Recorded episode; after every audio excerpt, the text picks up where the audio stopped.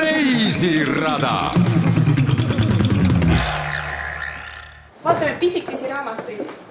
Ma ütlen ka ette, mis siis siin hoidlates tulevikus kardinaalselt muutub, on see, et siia tulevad need kõik lükandriiulid, siis me võidame nelikümmend protsenti pinda juurde. no vot, seal on näha, nad on olemas meil, aga põhimõtteliselt need saavad kõik asendatud siis nii alustasime ringkäiku Rahvusraamatukogu salasoppidesse ja sulgemiseelsetesse hoidlatesse, enne kui raamatukogu remondiks sulgub ja ümber paigutada tuleb kolm koma viis miljonit teavikut.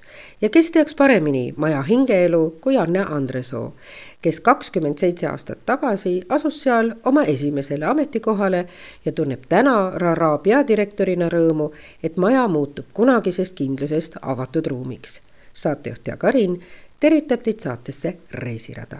kohe, kui me sellesse hoonesse siseneme, siis üks suur, suuri muutusi ongi sellega seotud, et see ala, kus on meil praegu kontoriks ja galerii pealne, et sinna tuleb selline kohviku ja puhkeala, mis hakkab olema avatud kakskümmend neli seitse ja, ja on mõeldud tõesti ka selleks, et inimesed saavad seal nii puhata kui ka äh, kasutada seda ala nii-öelda tegutsemise, töötamisena, kui, kui tekib selline soov ja, ja võib-olla see on, on, on see, mis hästi ilmekalt äh, just kirjeldab seda suunda, et me tahame hästi avatud olla.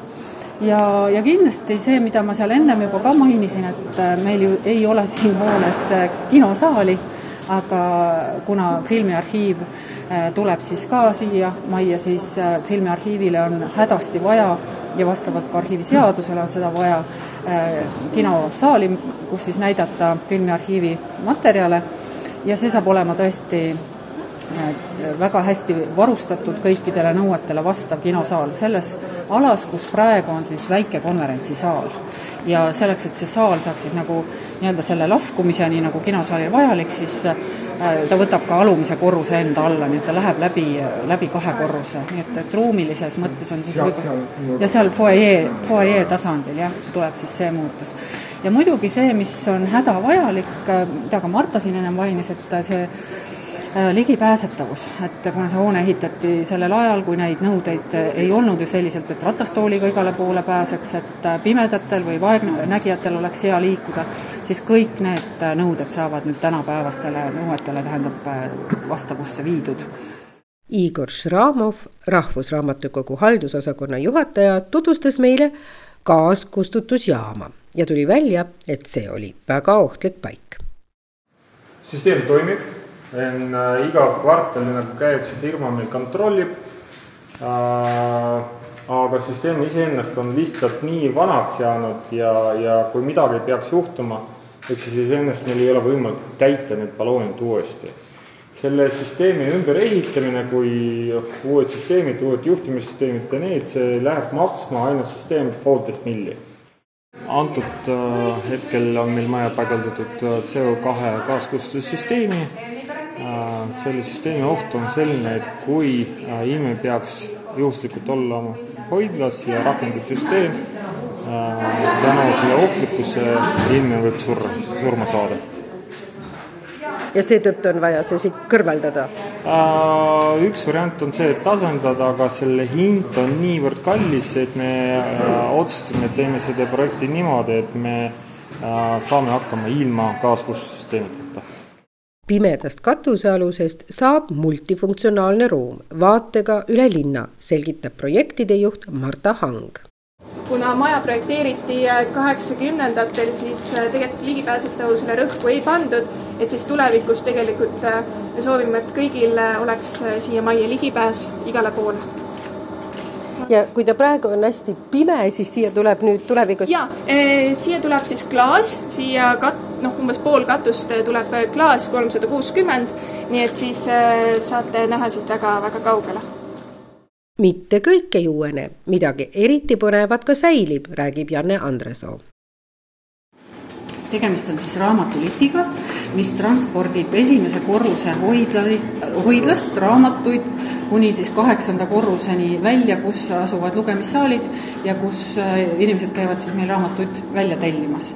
ja see lift on ainulaadne maailmas, ta on toodetud äh, Nõukogude Liidus ja teda kuskil mujal raamatukogus ei õnnestunud nii-öelda installeerida või püsti panna, äh, kui ainult äh, meil siin Eesti Rahvusraamatukogus. ma tean, et ta pidi ka Tartu Ülikooli raamatukokku tulema, aga neil läks teisiti, nad ei saanud seda lifti mingil põhjusel ja ilmselt neil läks hästi.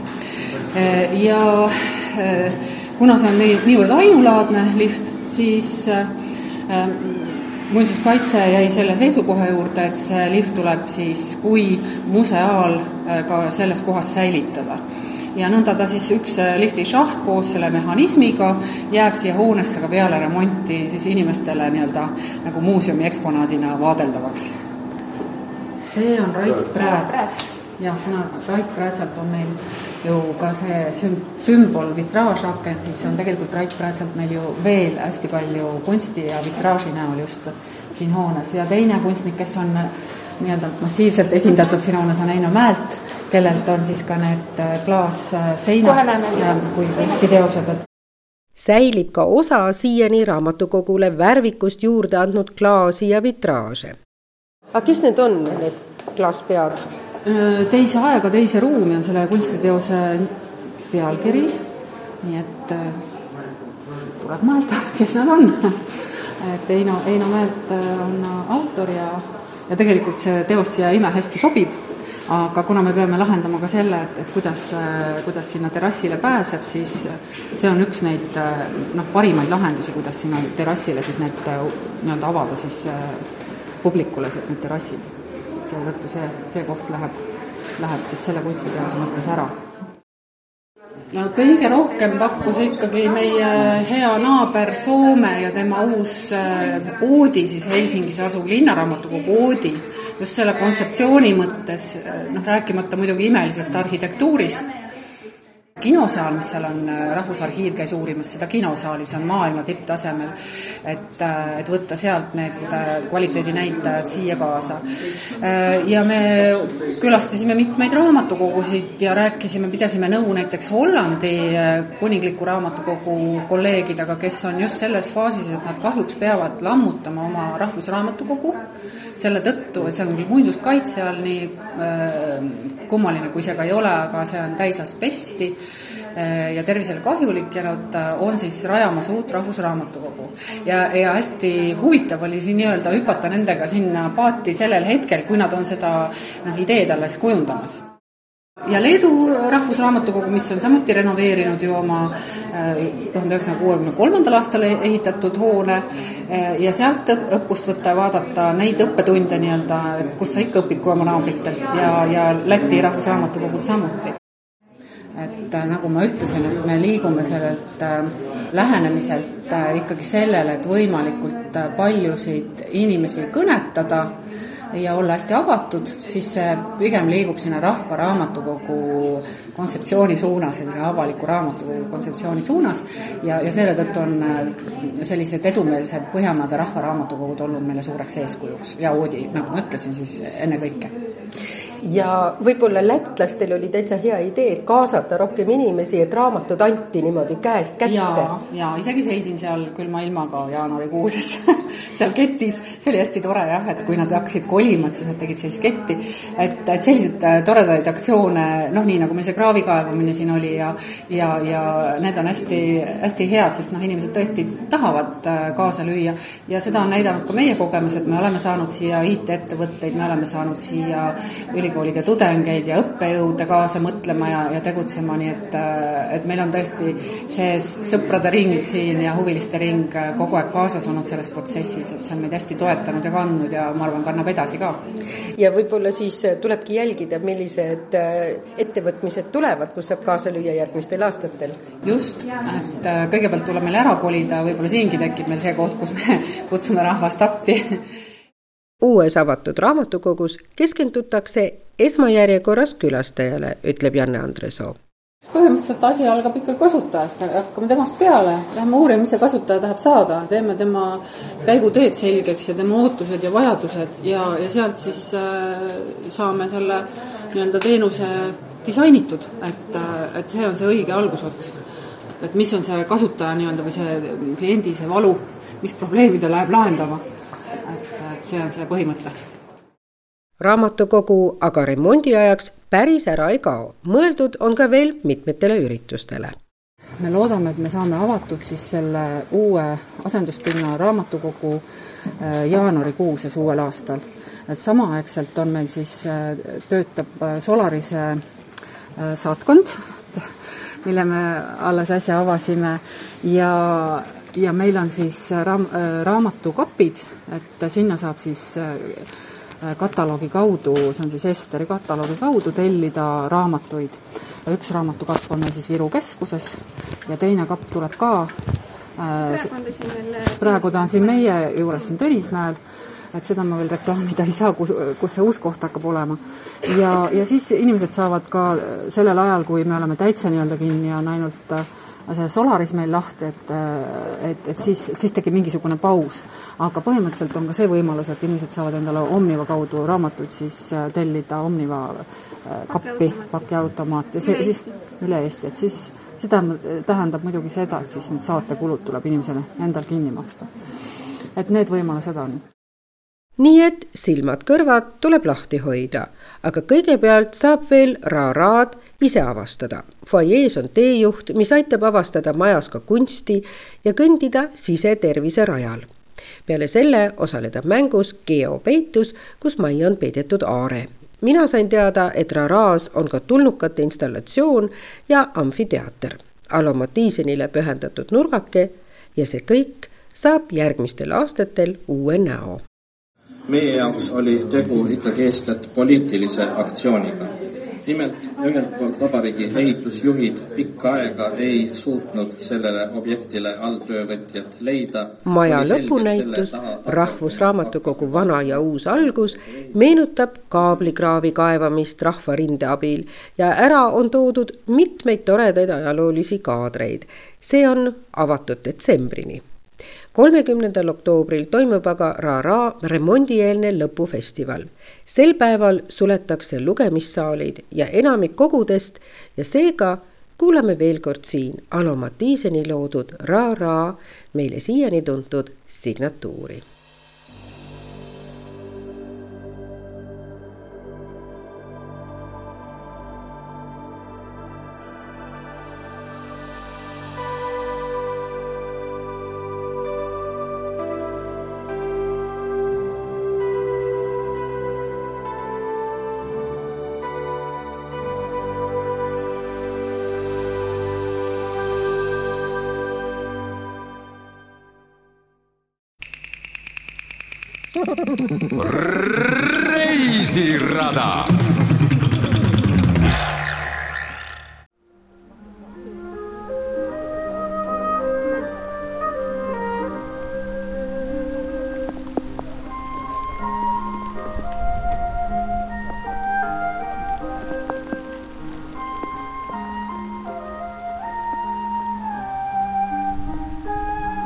nii kõlas juba kaugelt Jaapani aed, mis sellel aastal tähistas oma kümneaastast juubelit ja seda aina tugevamaks muutuvas vihmasajus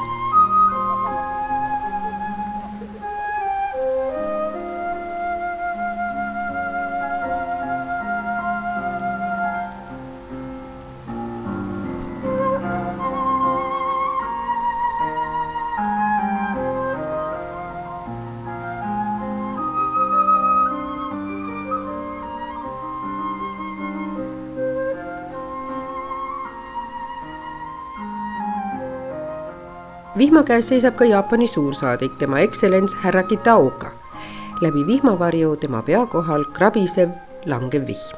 räägime sellest, mida tähendab tema jaoks Jaapani aia juubel.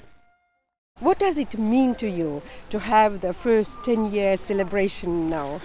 Well, uh, this is uh, one of the perhaps uh, most touching moments since uh, uh, I came to Estonia uh, one year and uh, 10 months ago. Because uh, uh, this garden is uh, very very special very special. Of course uh, you can relax yourself just uh, enjoy taking a walk and uh, feel the nature especially the changing of the nature four seasons. But at the same time this garden is very very really japanese because we can feel uh, kind of uh, universe, very, very uh, carefully uh, calculated uh, location of uh, stones or uh, water flow or whatever. So uh, if uh, you are in this garden, you can feel the universe, and also you can feel that you are part of a universe. see on üks liigutavamatest momentidest minu jaoks sellest peale, kui Eestisse tulin. see aed on väga eriline, muidugi saab lõõgastuda ju ka nii, et lihtsalt vaatad loodust ja tunnetad looduse muutust neljas aastaajas. aga see aed on väga jaapanlik, sest siin tunneme tervet universumi väga iseloomulikult. kui oled selles aias, tunned universumi ja tunned, et oled osa sellest universumist. see on Jaapani aia essents ja ka Jaapani kultuuri essents, ütleb suursaadik. kas ka vihm kuulub sinna juurde, küsin ja vastus on ülimalt sümpaatselt jaapanlik. And does the rain belong also to Japanese garden? Yes, of course. It's accompanied by a Japanese garden. So uh, we should never complain about this weather because this is a part of a Japanese garden, part of a Japanese nature, and a part of a Japanese culture. jaa, ilmtingimata. ta kaasneb Jaapani aiaga, ma ei kaebaks kunagi selle üle, sest see on osa Jaapani aiast, osa Jaapani loodusest ja osa Jaapani kultuurist. noh, see on ju ime. see on ju tõeline ime, et ühe, ühe, ühe riigi saadikud on nõus toetama. et ta ei oleks lihtsalt mingi kuiv aed, mis on Jaapani aia ainetel, vaid et selles aias olekski harmoonia, ilu ja täius. nii ütleb Jaapani aia juubelil Ain Järve, keda Tallinna linna koduleht nimetab Kadrioru pargi pikaajaliseks tulemuslikuks juhiks ning Tallinna linna haljastus- ja pargikultuuri edendajaks. Jaapani aeda nimetab Ain Järve ise Kadrioru aedade kõige jutustavamaks aiaks. kui silmad lahti hoida ja avastada osata, siis leiab Jaapani aias ühe täiesti uue kaseliigi Kaug-Idast tulnud kivikase, mille tüvi on puhasvalge ja eripära on selles, et tal on elevandi jalg, nagu nimetavad seda külastajad. see on koht, millele ta toetub, et see oleks kandev ja Ain Järve ütleb, et mida vanemaks puu läheb, seda ägedamaks ta muutub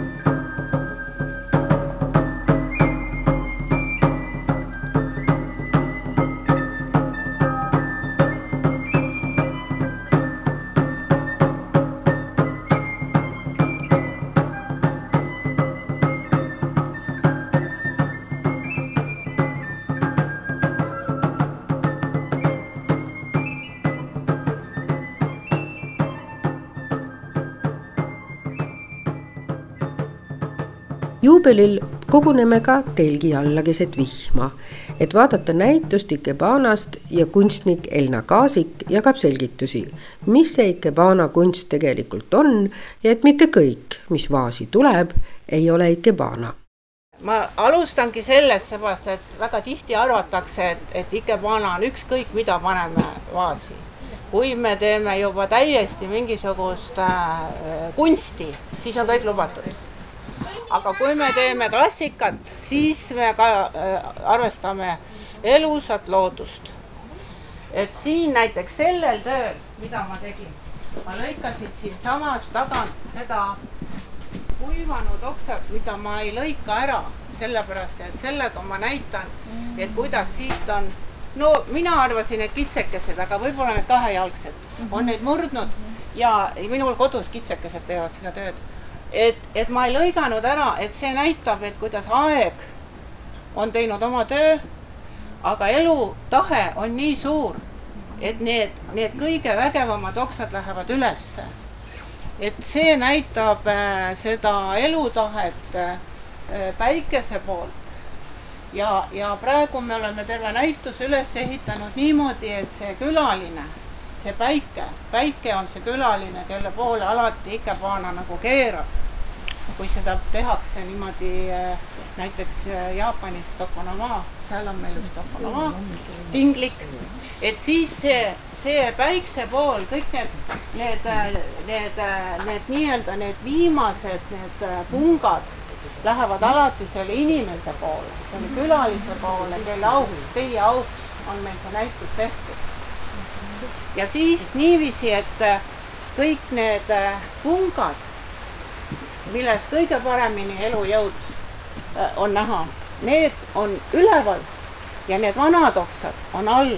Need oksad, mis on juba oma õitsemise ära õitsenud, seal me selles ühes töös väga hästi seda näeme, et ja avanevad, need pungad on üleval, aga lahtised õied on all ja me võime siia alla isegi ära õitsenud õie jätta, see kõik on väga elu, elu. ja, ja siis need niisugused pungad, mis siit tulevad, need ma jätsin ka kõik alles.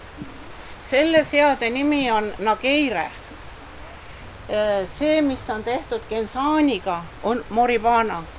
on, moribana on äh, tõlkes kuhjatud lilled, mis tähendab, et need lilled pannakse sinna vee seest üles kasvama, aga nageire on äh, tõlkes vaasi sisse visatud lilled.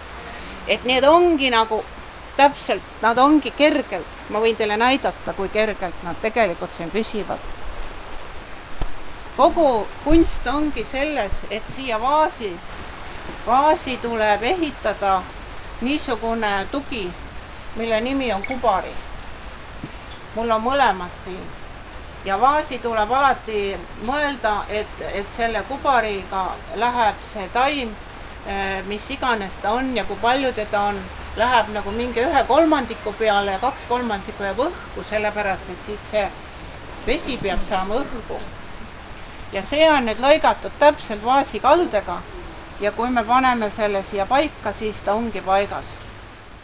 kuidas on Ikebanas seotud yin ja yang?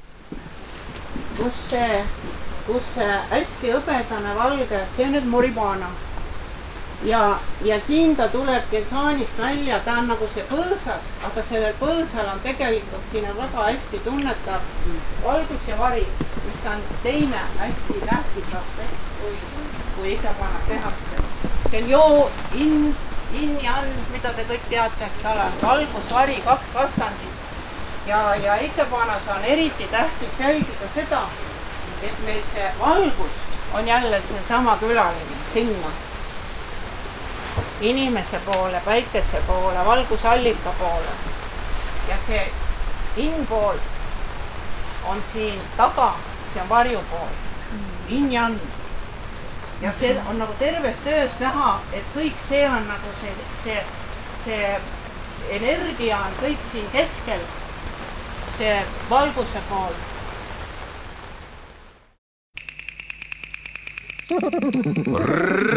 reisirada. jalutame Ain Järvega veel mööda parki. nüüd me oleme ju lähenemas siis Eesti suurimale avalikule rosaariumile, kolmkümmend seitse erinevat roosisorti, üks aromaatsem kui teine.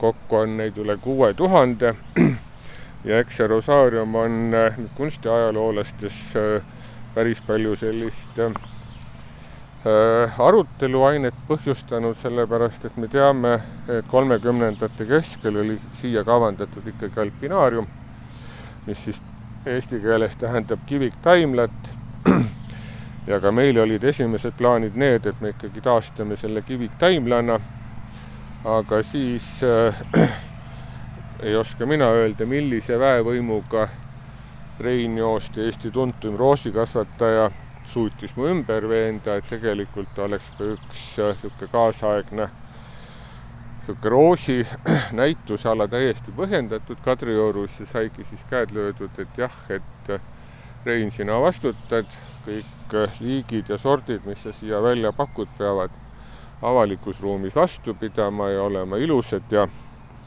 ja atraktiivsed ja ja nagu me teame, siis selline roosiaia keskmine eluiga on kakskümmend aastat, et siis peaks hakkama juba muldasid ja kõike seda välja vahetama.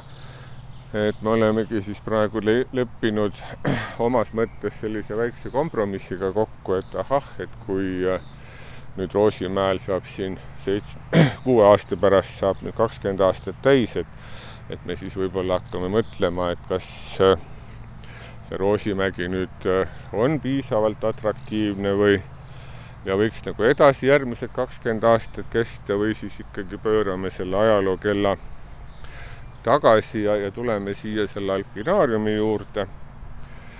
samas, kui ma olen rääkinud oma heade kolleegidega Euroopas, siis tegelikult nad on öelnud seda, et et aednikud on ju alati olnud omas mõttes ja omas teos ju vabad, sest et oleme ausad, ega siis kõik lilled ei ole ju jäänud läbi aastasadade kestma, mis on olnud nii-öelda parkide rajamise alguses, alati on ju tulnud uued, uued liigid, uued sordid, uued moevoolud, ehk tegelikult noh, me ei pea vist päris üks-ühele kinni olema nendes, et peaasi, kui me säilitame selle ruumistruktuuri, aga see, mis selles ruumis sees toimub, et seda, seda võiks ikkagi eriti nende lille peenarde puhul kas või needsamad partnerid, mis meil on ju lossi, lossi taga lilleaias, et seal me ikkagi võiksime olla natukene vabamad ja, ja kasutada siis ka nii-öelda seda kaasaegsemat iluaianduse keelt.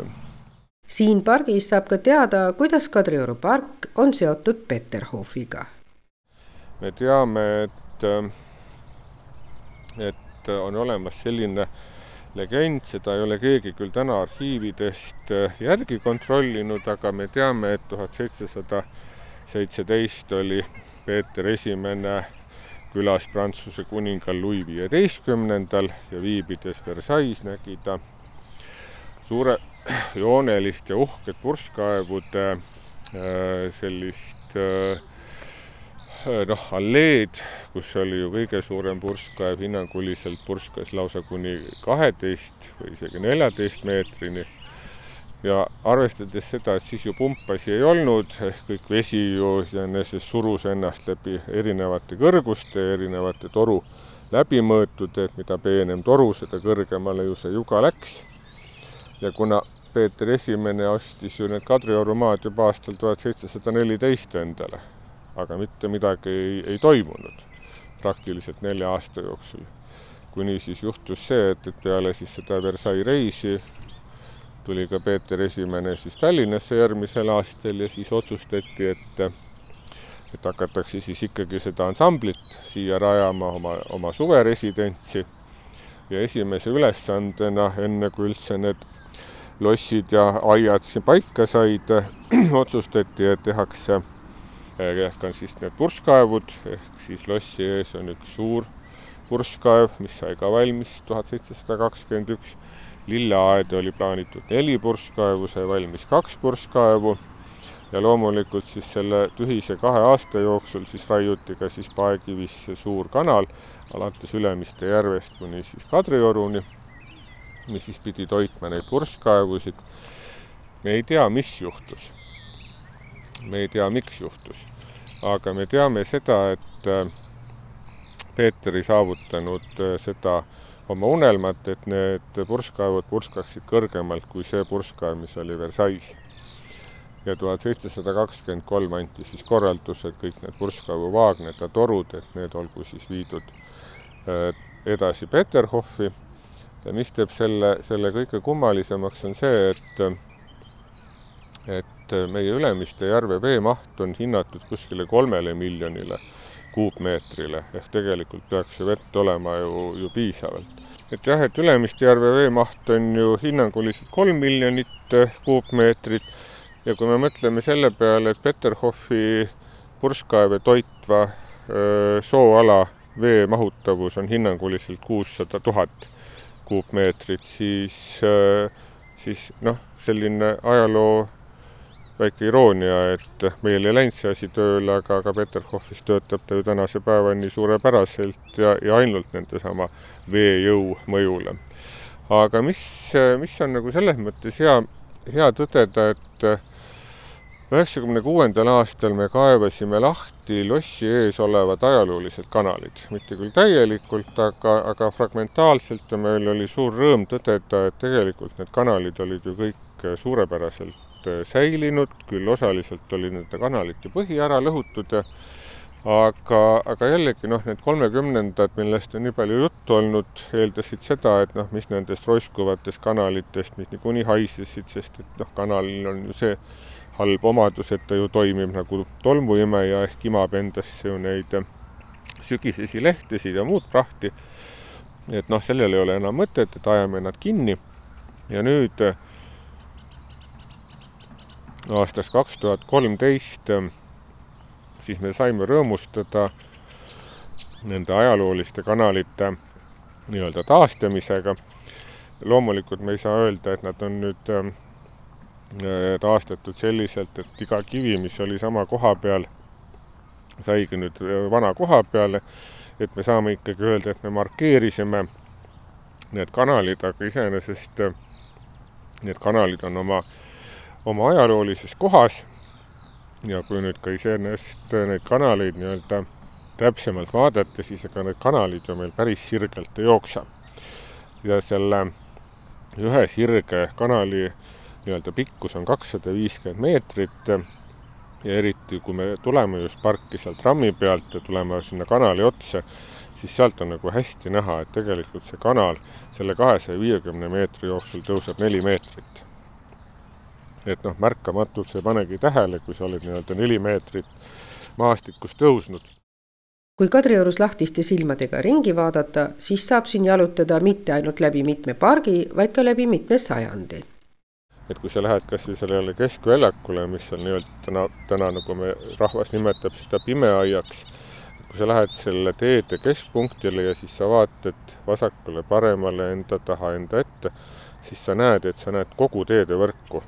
Ehk see oligi see kaheksateistkümnenda sajandi selline põhiline niisugune loodusvõte või niisugune pargikujundusvõte, et et inimene tõsteti loodusest kõrgemale ja loodus oli siis nii-öelda nagu allutatud inimese käele, ehk meil on nii-öelda selle ajaloolise ruumi äh, raamistik juba arhitektuurselt olemas ja täna me ju lisasime sinna ka selle maastiku arhitektuurse raami, meil on ta nüüd kahekordselt ära raamitud ja see teeb ju selles mõttes ka selle pargi jälgimise hästi, hästi lihtsaks, et äh, kui sa, kui sa tuled sinna üle silla, sinna ruumi sisse, siis on ju kaheksateistkümnes sajand, kui sa vaatad Luigetiigi poole, siis see on ju kahekümnes sajand.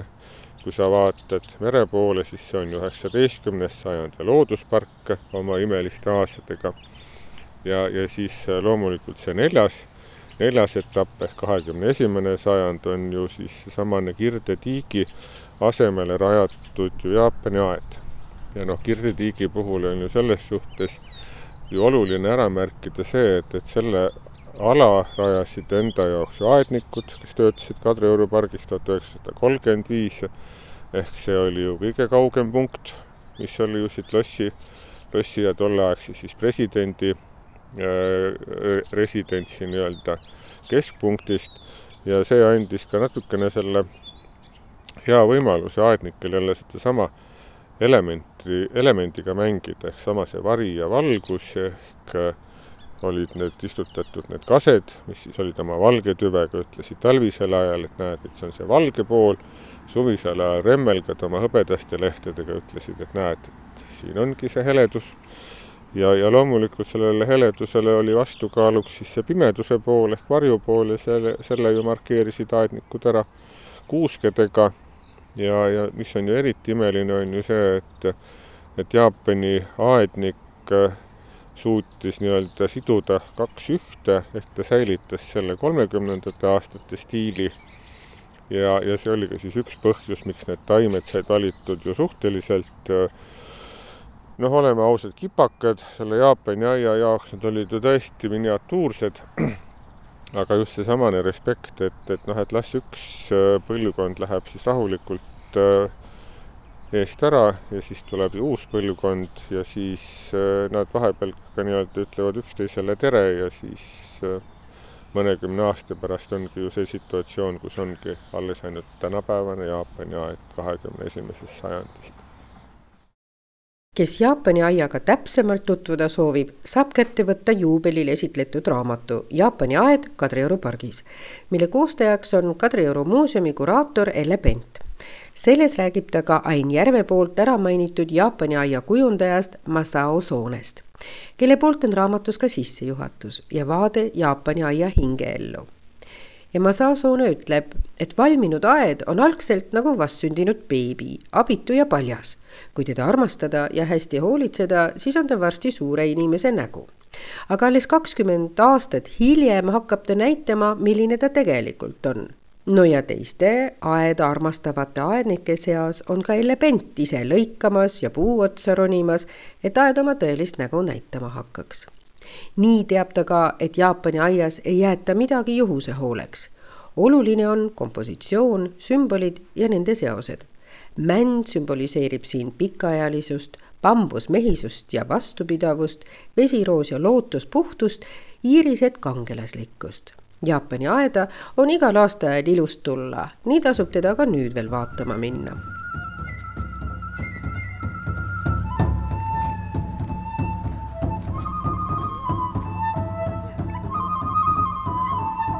ka Kadrioru roosiaias on veel roose õitsemas aga oma võlu on ka langenud lehtedest sahistada. tuletan meelde, et aasta viimastel kuudel tasub kindlasti astuda sisse veel Rahvusraamatukokku, kus oktoobri lõpuni on üleval näitused. Vatt teater esitab oma etendusi veel aasta lõpuni ja tutvuda saab ka Rahvusraamatukogu esimese ehitamislooga, kus on mitmeid toredaid aastakümneid vanu kaadreid loodus on igal aastaajal ilus, peaasi, et ollakse õieti riides. nii et jalutuskäik Kadrioru parkides, mis sel aastal tähistas nii oma kolmesaja kolmandat juubelit ja kümmet aastat Jaapani aiajuubelit, on ka külmal aastaajal külastamisväärt. saate lõpus jääb kõlama veel läbi vihma Jaapani aias saarekeselt mängitud Jaapani taiko trummid. trumme mängis Heleri Nuib ja flööti Mizuki Shindo